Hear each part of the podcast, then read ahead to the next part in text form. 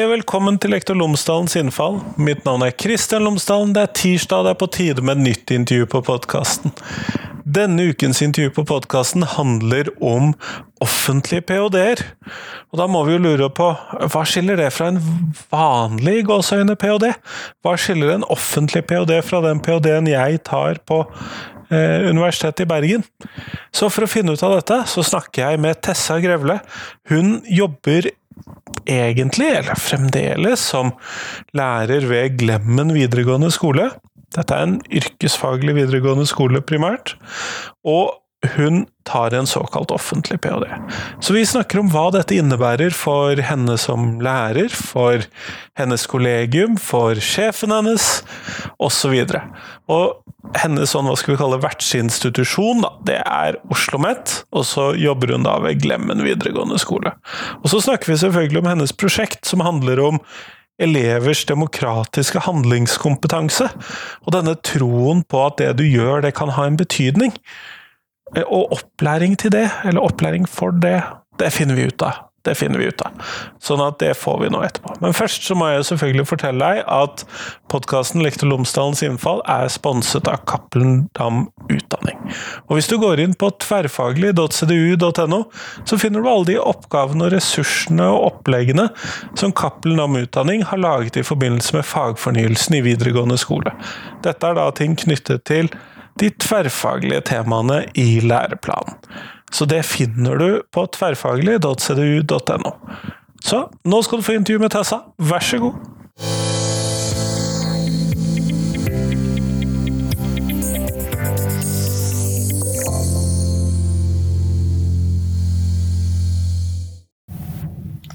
Tessa Eriksen Grevle, tusen takk for at du har tatt deg tid til meg i dag. Tusen takk for at jeg får komme. Eh, før vi kommer sånn ordentlig i gang, så hadde jeg håpet at du kunne fortelle lytterne mine tre ting om deg selv, sånn at de kan få bli litt bedre kjent på deg. Ja. Um, den første er at jeg har vært elev ved Steinerskolen og ved United World College. Så det syns jeg var vanvittig flott at du har hatt um, episoder om de to skoletypene. Det er jo litt utradisjonell skolebakgrunn. Ja. Um, og så har jeg bodd i Peru og India og USA i forbindelse med jobb og studier. Så jeg har vært innom en del forskjellige skoler og skolekulturer, både som lærer og som elev. Og så er jeg nok litt over gjennomsnittet opptatt av hvordan mennesker tar beslutninger, og i hvilken grad vi er bevisste på at vi tar beslutninger. Så det er ja, kan man kalle det en hobby? det går an. Det meste er en hobby så lenge du ikke får altfor mye betalt for det, tror jeg. Ja, da er det hobby. Nei, men flott. Glimrende. Og vi skal jo i dag så skal vi jo snakke litt om den typen doktorgrad du tar, og vi skal snakke om, eh, litt om doktorgraden du jobber med, men du tar en såkalt offentlig ph.d. Uh, og da må vi jo først vite hva er det for noe? Ja, en uh, off-ph.d. det er en doktorgrad som skrives for eller på vegne av en offentlig virksomhet. Og off-ph.d.-ordningen det er en finansieringsordning der det er Forskningsrådet som lyser ut midler til virksomheter i offentlig sektor. Da, for å, at en ansatt ved den virksomheten kan skrive en doktorgrad. Og det som er eh, veldig flott, er at innenfor de off-PhD-midlene så er det noen prosjekter eller noen midler som er øremerka for eh, ph.d.-prosjektet for lærere. Altså de som er lærere som er ansatte i skolen. Så det er eh, en veldig flott ordning som jeg tenker at det er viktig at mange kjenner til. Da. Nettopp, Dette er ikke noe som jeg har vært så mye borti, må jeg innrømme. Men er det da sånn at du er ansatt fremdeles på din skole når du tar en sånn en? Ja, det er nettopp det. det eh, selv om kanskje man kan tenke at finansiering ikke har så mye med prosjektet å gjøre sånn direkte, så har det ganske mange eh, implikasjoner for hvordan prosjektet ser ut i praksis. Da. Eksempel så har jeg kontor på den skolen som jeg jobber for. Eh, og det gjør jo at jeg tenker at det skaper en bro mellom akademia og skoleeier og skolen som jeg jobber ved. Eh, og jeg får jo også en veldig praksisnær forskning, fordi at det jeg forsker på, er rett utafor døra. Sånn at jeg vet jo alltid hva som skjer, og jeg vet hva som rører seg fordi jeg også er lærer ved samme skole. Da. Um, så det er eh, en litt annerledes måte å skrive doktorgrad på, tror jeg. Ja, det tror jeg også. Jeg sitter jo nå på kontoret mitt på Universitetet i Bergen f.eks. Eh, og du har jo da ikke et kontor på Oslo OsloMet eller på Universitetet i Oslo eller lignende? Eh, jo, altså det er et samarbeid mellom gradsgivende institusjon, eh, altså universitetet, og den skolen man jobber ved, og skoleeier ofte, da, og NFR. Sånn at man eh, har også en kontorplass inne på, for min del, Oslo OsloMet. Eh, så man, det er egentlig litt fleksibilitet i forhold til hvor er det hensiktsmessig å være for meg nå i prosjektet mitt. Så jeg har en veldig variert hverdag. Der jeg er på Oslo OsloMet noen dager, på skolen noen dager. Um, ja, så jeg veksler der jeg tenker at det er mest hensiktsmessig å være. Der er jeg. Så du har på en måte da bena både i den skolen som du kommer fra, eller den offentlige virksomheten som du kommer fra, men også i den eh, doktorgradsverden som du ville vært i hvis du tok doktorgraden eh, via de vanlige kanalene, da? Ja, helt riktig. Og en bonus for meg er jo også at jeg får god kjennskap til skoleeier, som er Viken fylkeskommune i mitt tilfelle.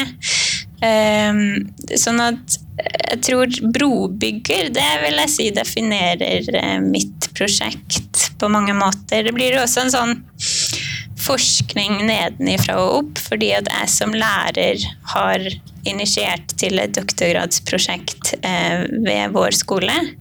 Eh, sånn at jeg har hele tida hatt en ambisjon om å skape et sånn demokratisk rom, da, der man kan snakke om praksis og eh, der min jobb, sånn som jeg ser det, blir å dokumentere og analytisk sammenstille det egentlig forskningsarbeidet som gjøres i praksisfeltet fra dag til dag, sånn at det blir formidla ut i akademia, sånn at andre kan lære fra det som vi jobber med. Da. Nettopp. Sånn at eh, da er du eh, Da blir du på en måte også da en akademisk ressursperson på den skolen som du kommer fra, da, på en måte, hvis jeg forstår deg riktig? Ja, nettopp. Ja. Eh, og også motsatt. At det er jo sånn at jeg erfarer i akademia at eh, det er mye som skjer på skolen som man kanskje ikke er klar over. da. Eh, som veldig praktiske ting. uh, så ja, så jeg opplever at det blir en, en ja, som jeg sa i stad, en brobygger, da. Nettopp, nettopp. Men jeg antar jo at dette er ikke noe som eh, gis ut ved dørene, den typen offentlige ph.d.-stillinger heller. Hvordan var det å komme dit du er? Eh, ja, altså det har, en, eh, det har, vært en, lang prosess å få innvilga finansiering til prosjektet mitt. Eh, men den prosessen har også vært veldig hensiktsmessig, fordi når jeg først starta med doktorgraden, så hadde jeg reflektert veldig rundt eh, hvordan og hvorfor og hvordan jeg ville at det samarbeidet mellom de forskjellige involverte skulle skje. Eh, så i mitt tilfelle så var det en idé som jeg hadde, som jo bare var en idé. og så foreslo jeg det for ledelsen, og så ble de begeistra til min store glede. Og så søkte de skoleeier eh, om å få finansiering til det her, da. Så søkte skoleeier NFR om eh, delfinansiering fra de inn i prosjektet. Og på den måten så blei eh, noe som var en idé, til et prosjekt. Så det er jo en drøm. Og det er jo helt utrolig at det er en sånn ordning der lærere får mulighet til å forske på eh, Altså til å utforme praksisnær forskning. Det er kjempeviktig, tror jeg. Sånn at når du da eh, er når du søkte, så gikk du via Du snakket med din arbeidsgiver, som snakket med skoleeier osv., og, så videre, og så var det de som søkte på dette. fordi at når jeg da søkte på min doktorgrad, så var det jo jeg som person som søkte på med ett prosjekt til én stilling, eh, og gjorde det selv, mens du da søkte via arbeidsgiver. Har jeg forstått det da riktig? Eh, både ja og nei. Vi, altså, vi, søker også om opptak på et doktorgradsprogram. Eh, men det første som man trenger, er jo finansiering av prosjektet sitt. Eh, så på den måten eh, så ligner prosessen litt, men veien er kanskje litt mer kronglete, da. Eh, det, det, jeg tror nok at disse veiene er litt forskjellige uansett. Nå har jeg søkt doktorgradsstipendiater på forskjellige institusjoner, og jeg har sett at det er litt variasjon eh, sånn i utgangspunktet. Sånn at det er kanskje ikke verre, eller lettere eller vanskeligere, egentlig. Nei, og det er nok også sånn at det er forskjellige måter å søke off-ph.d. på. For det kan jo også hende at uh, f.eks. skoleeier da, har utforma en uh, i hvert fall et tema for et uh, forskningsprosjekt som de ønsker, og dermed lyser ut en stilling som man kan søke på. Så det er nok litt forskjellige prosesser i, i uh, ja, for å få et uh, off-BOD-prosjekt også. Så det tror jeg du har helt rett i. Men, men når jeg da har fått denne jobben som jeg sitter på, så har jeg undervisning på lektorutdanningene på Universitetet i Bergen. Hvordan ser det ut for din del? Hva, har du den typen hva skal vi kalle arbeidskomponent i din uh, plan? Ja, jeg har jo det. Jeg har uh, undervisning på skolen, som jeg jobber for. Uh, det er jo veldig hensiktsmessig for meg, for det gir meg kjennskap til hverdagen for lærerne og for elevene. Uh, og man kan jo også forske på sin egen undervisning, det gjør ikke jeg, men det er jo en mulighet. Jeg, jeg har en sånn en hvit tilnærming til, i mitt forskningsprosjekt. Mm. Mm. Men hvor stor er da den lærerstillingen? Det er jo litt interessant å vite for de som skulle vurdere å ta et sånt prosjekt. Ja, du kan ta det treårig. Da er det ikke noe undervisning. Uh, og så kan man ta det over fire år, og da har man 25% undervisning hvert år. Men man kan da kombinere at man kanskje har 50% det første året, og så ikke noe andre året. Eh, så det er ganske mye fleksibilitet i den ordningen. Så det blir man da enig med arbeidsgiver om, da? Nettopp. Ja. Det er kanskje sånn det var for deg òg, eller? Eh, ja, eh, jeg har sånn 25 eh, i tillegg til stillingen min. Og så blir man litt sånn enig underveis om hvordan dette settes sammen og settes opp. Så det er på, litt på samme måten. Stemmer. Men det måtte jeg bestemme litt sånn før vi begynte, eh, og ikke sånn litt hvert år. ja. Det er nok også det vanligste, tror jeg. det vil jeg tro. Eh, men hvordan er det å forske inn i den situasjonen som du da For du har jo da vært lærer på denne skolen noen år, vil jeg tro, før du eh, fikk ja på en sånn idé. Ja. Og hvordan er det å skulle forske på egen arbeidsplass? Ja, det er et kjempeinteressant spørsmål. Um, I begynnelsen så strevde jeg litt med at jeg skulle Jeg tenkte på det som to hatter. Jeg skulle liksom skille ansatthatten og forskerhatten, og gikk litt sur i hattene. Og, eh, og så en dag så var det en eh, annen stipendiat som sa til meg at styrken i ditt prosjekt er jo at du har to hatter samtidig. Um, og det var et sånt uh, aha-øyeblikk for meg, for det var jo egentlig det som lå i visjonen hele tida. Så det er klart, i forhold til det forskningsetiske så skal man være veldig bevisst på hatten man har på seg.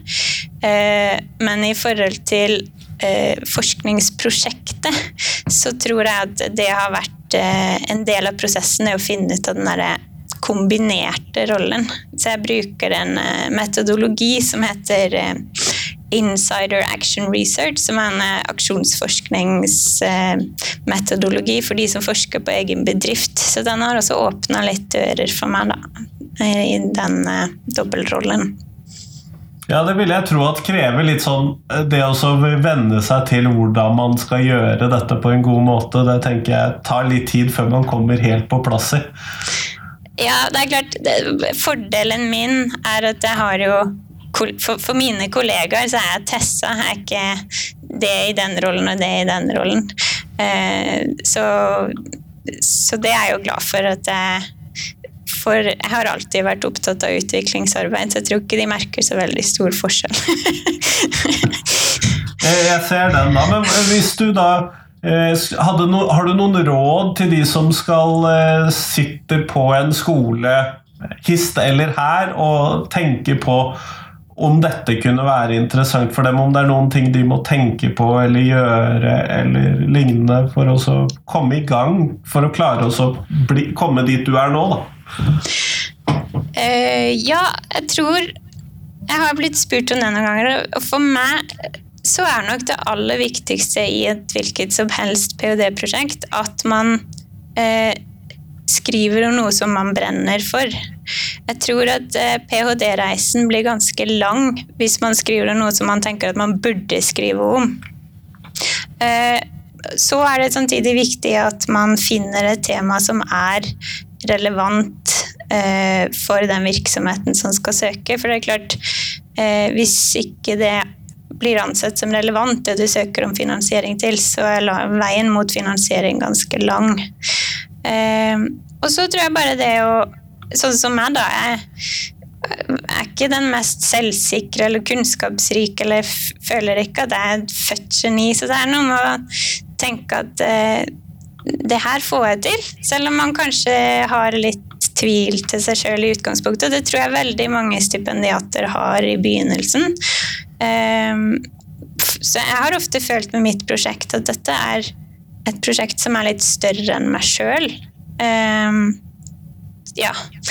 Det var litt sånn kronglete svar.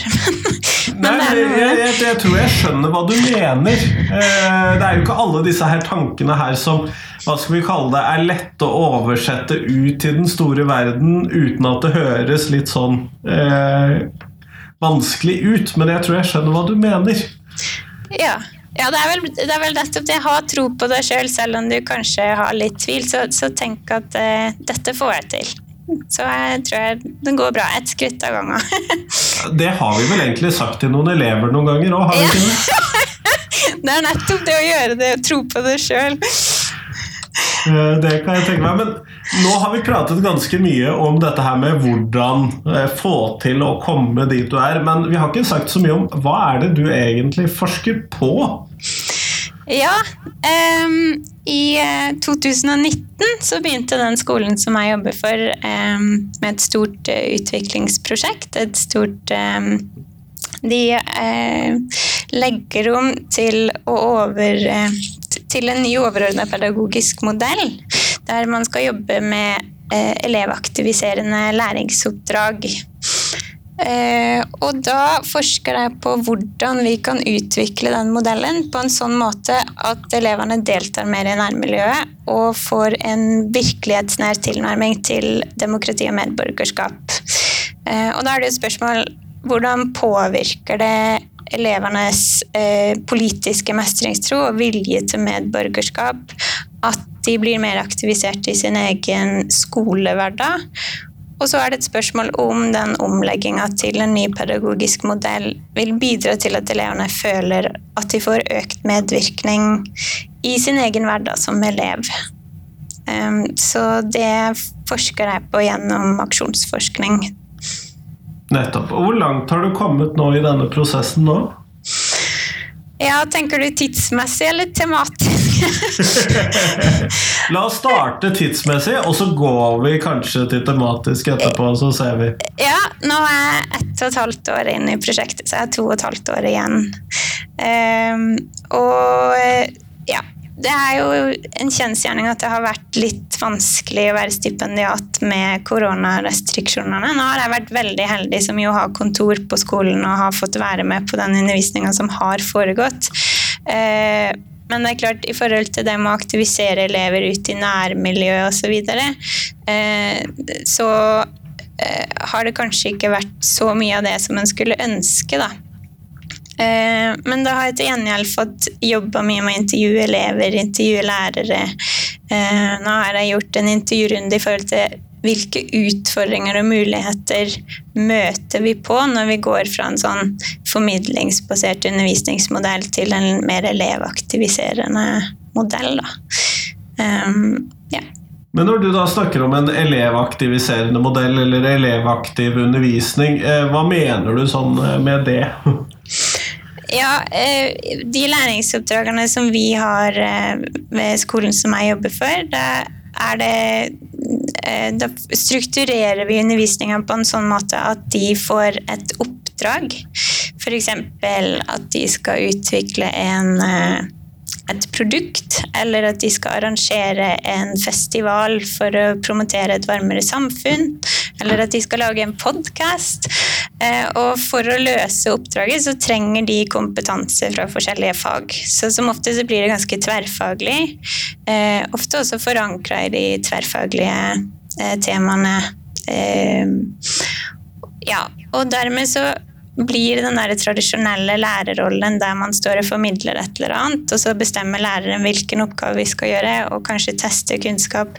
Nå, nå forenkler jeg veldig, det er jo ikke sånn vi jobber. Det, det skjønner jeg. men, eh, men, sånn generelle trekk, da, så er det eh, dette med at eleven skal bli mer aktivisert, som står i sentrum.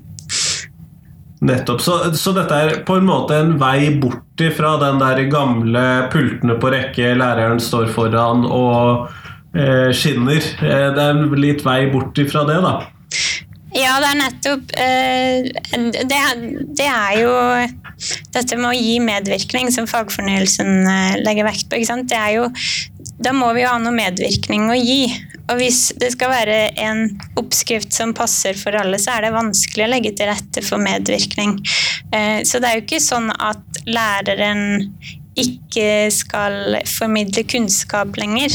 Men eh, det er ikke på den måten som det har vært før, da, der læreren eh, tradisjonelt står foran med tavla og, og, og kanskje bestemmer veldig mye. Nettopp. Jeg, jeg, har jo sett det at dette med studentaktiv læring og elevaktiv læring, det er eh, Slik jeg ser det, så er det det som nå fokuseres veldig på, og det kjenner jeg at jeg er ganske glad for, fordi at eh, jeg har en del podkastepisoder som handler om det om at eh, klasserommet har egentlig ikke endret seg så veldig mye de siste si 500 årene eller 2000 årene, eller et eller annet, i den forstand at det, den forelesningsklassen veldig ofte har vært en uh, ganske dominerende del av skolen. Sånn at jeg syns jo at dette her er noe av det som jeg hører som uh, virkelig er endringer i skolen, slik jeg ser det. Har du noen tanker om det? ja, altså eh, Jeg er jo jeg, jeg syns at en god historieforteller som, som, formidler til elever og som engasjerer elever Vi skal ikke bort fra det, og det er heller ikke ideen når man snakker om elevaktiviserende undervisningsformer. Eh, men det handler om at eh, eleven skal være aktivisert på indre bane, det er den ene tingen. Og den andre er også i forhold til det med å sitte stille. At, det, at, man skal bruke sine sanser og komme seg litt ut og oppleve ting. Og eh, oppleve den der gleden med å lære. Jeg, jeg tror man skal være litt forsiktig eh, med å snakke om før og nå, for det handler jo om i tillegg til, ikke sant? ja, nei, jeg, jeg, ser den, jeg ser den. Uh, men du skal jo da Eh, dette her med politisk mestring eh, er jo noe av det du da skal se på i dette. Og jeg syns jo det hørtes litt spennende ut dette med å skulle sette opp en festival, som du nevnte som eksempel. Eh, hvordan fungerer egentlig det? Ja, altså Nå jobber jeg på en stor yrkesfaglig skole. Og der har vi jo helt unik kombinasjon av kompetanse innad på skolen. Både blant lærere og blant elever. Eh, og det å oppleve at man arrangerer noe der man faktisk Det kommer et reelt publikum. Ikke sant? Man, man formidler noe ut. Da tror jeg eh, det kan kanskje oppleves som mer meningsfylt da, enn den tradisjonelle vurderinga der man får en karakter. Så det er den ene tingen. Og den andre tingen er at man da vil trenge eh, mye kompetanse, f.eks. økonomi. Man må planlegge, man må markedsføre. Eh, så Det blir ikke noe lettere, hører jeg. eh, Hva tenkte du på noe lettere? Altså, det, det, det, Noen ganger så kan man jo bli Hvis man ønsker å gjøre endringer i skolen, så kommer det av og til en sånn bekymring, men hva med kunnskapen, eller hva med eh, Vi skal ikke sy puter under armene på elevene og sånn, men det høres jo ikke ut som dette er noe lettere for elevene å skulle levere et slikt produkt fremfor et produkt som havner i skuffen til læreren. Nei, snarere tvert imot, tenker jeg. Dette er jo rett inn i dybdelæring. Eh, og så det stimulerer jo til eh, nysgjerrighet, og, og forhåpentligvis til læringsglede. Eh, så, og det der med at det er virkelighetsnært, og at man kan bestemme selv. Man kan ta et valg. 'Dette er jeg god på, dette har jeg lyst til å jobbe med', eller eh, 'dette har jeg kanskje ikke gjort før, så det prøver jeg gjerne', eller um, og det er klart at eh, For oss lærere så krever det jo en enorm fleksibilitet. Og det gjør det jo kjempegøy å være på jobb. Fordi man lærer noe nytt hele tida, og jeg lærer masse av elevene. Eh, Så at det blir lettere eller syr puter, eh, det er ikke min erfaring. Nå, var jeg mest i lærerrollen, men som lærer så har jeg overhodet ikke erfart det. Og som eh, forsker så kom jeg tilbake med interessante funn. Det, er- det er godt å kunne rydde litt i hattene litt sånn innimellom. Eh, og det er jo ingen tvil, jeg opplever det til stadighet i mitt eget prosjekt, at lærer-Christian er ikke nødvendigvis enig med forsker-Christian eller de andre Christianene som finnes innenfor samme tema.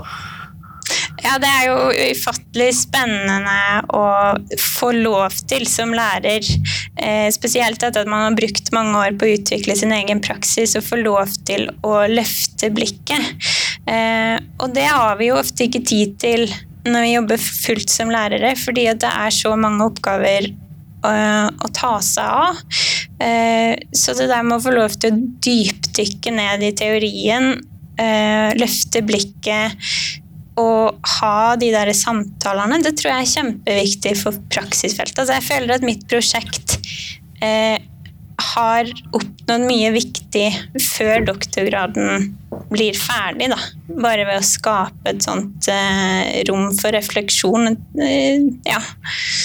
Så det er en veldig fin ordning, tror jeg, for å få eh, sånne typer refleksjoner enda mer inn i, i skolen.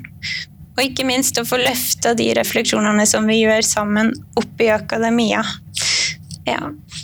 Nettopp. Og nå pekte du egentlig inn på et spørsmål som jeg ikke stilte deg eh, i, i den første halvdelen av samtalen vår. fordi at eh, hva ligger det i for meg som rektor, da? Hvis, vi, hvis jeg da skulle stjele meg en liten rektorshatt, hva ligger det for meg som rektor i å skulle ha en av mine ansatte da eh, drive med dette i tre år? Eller fire, strengt tatt. ja. Eh, eh, Ledelsen ved skolen der jeg jobber, har vært eh, fantastisk støttende. Eh, Det er klart at jeg kommer jo med en del kritiske spørsmål, og det tenker jeg at det ligger litt i min rolle. Og det setter ledelsen veldig pris på. Eh, Samtidig som eh, jeg av og til opplever at jeg kan skape eh, en annen kommunikasjon mellom lærerne og ledelsen. Bare ved at man spør om ting eller eh, legger til rette for møter eller har intervjuer osv. Så, videre. så jeg, jeg tror at det er eh, veldig hensiktsmessig for en ledelse å ha en, en off-PhD på skolen. Ja. Nettopp. Sånn at det, eh, du bidrar med en del av disse kritiske elementene inn i, eh, inn i rett og slett skoleutviklingen. Da. Ja, samtidig kanskje hjelper med å forankre litt inn Blir du kjent med mange nå som jobber på lærerutdanninga f.eks.? Hvis jeg leser forskningsrapporter, jeg dypdykker i det jeg jobber med, jeg ser etter er det andre som har gjort det vi har gjort? Når de møtte på den utfordringen som vi møtte på nå, hva gjorde de da? Eh, kan man se dette på en annen måte? Det er det jeg jobber med hver eneste dag. Eh, så det håper jeg jo at styrker utviklingsarbeidet ved skolen. Nettopp. Når du da er ferdig, så blir jo du da en sånn der lektor med doktorgrad. Eh, og, eh, fordi at vi har jo ikke noe sånn egen eh, tittel for sånne lektorer med doktorgrad, egentlig. Det er vel egentlig bare et litt sånt uformelt opprykk. Eh, men hva ligger det i deg for deg som lærer, da, siden det ikke er noe lønnsforhøyelse med å ta en doktorgrad i norsk skole? Ja, det eh, det tror jeg er litt opp til den enkelte. Noen tar jo doktorgrad eh, for å, å, jobbe i akademia, og det kan man jo etter man har tatt en sånn doktorgrad. For min egen del så tar jeg doktorgrad fordi at jeg syns det er gøy. Jeg jobber ved en skole som jeg trives veldig godt med. Så for min egen del så er jeg ikke, jeg har ikke tenkt så mye over hva som skjer etter jeg er ferdig med doktorgraden. For meg nå så handler det om doktorgraden for doktorgradens skyld. Eh, og jeg ser for meg å fortsette å jobbe der jeg er nå, da. Foreløpig. Nettopp, nettopp, nettopp. Skjønner. Nei, men Kjempeflott, uh, Tessa. Vi går nå mot slutten av podkastintervjuet, da skal jeg stille deg det spørsmålet som jeg stiller til alle de jeg intervjuer på podkasten. Og hva er de tre viktigste tingene som skolen lærer elevene? Ja, det er jo ikke et enkelt spørsmål. Nei, det er vanskelig med vilje. Ja, ikke sånn. For meg så er eh, de tre viktigste tingene er én å formidle og vise elevene at læring er gøy. At hver gang vi tilegner oss ny kunnskap, så ser vi en ny puslespillbrikke av verden.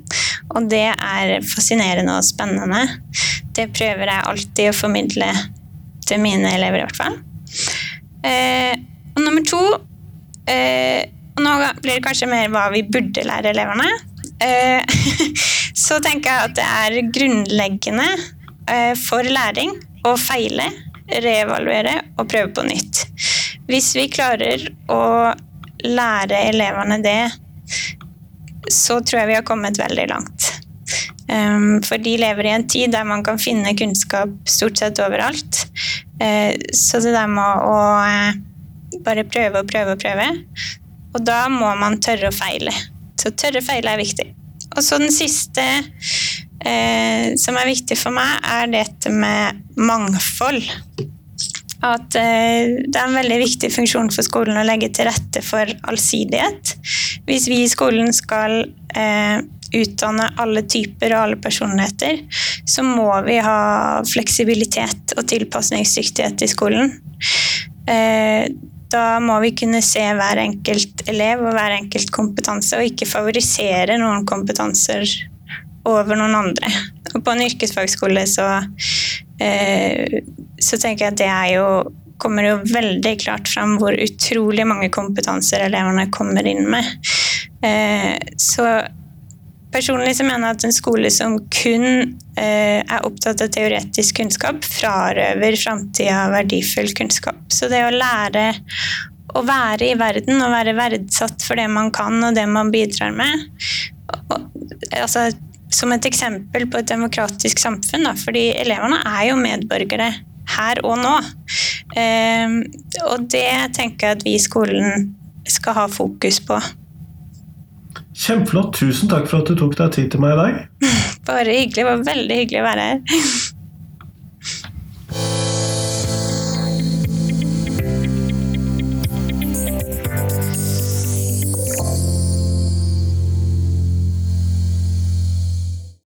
Tusen takk til Tessa, og tusen takk til deg som hørte på.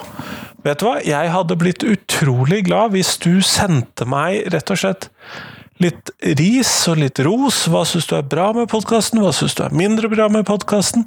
Det ville jeg satt utrolig pris på.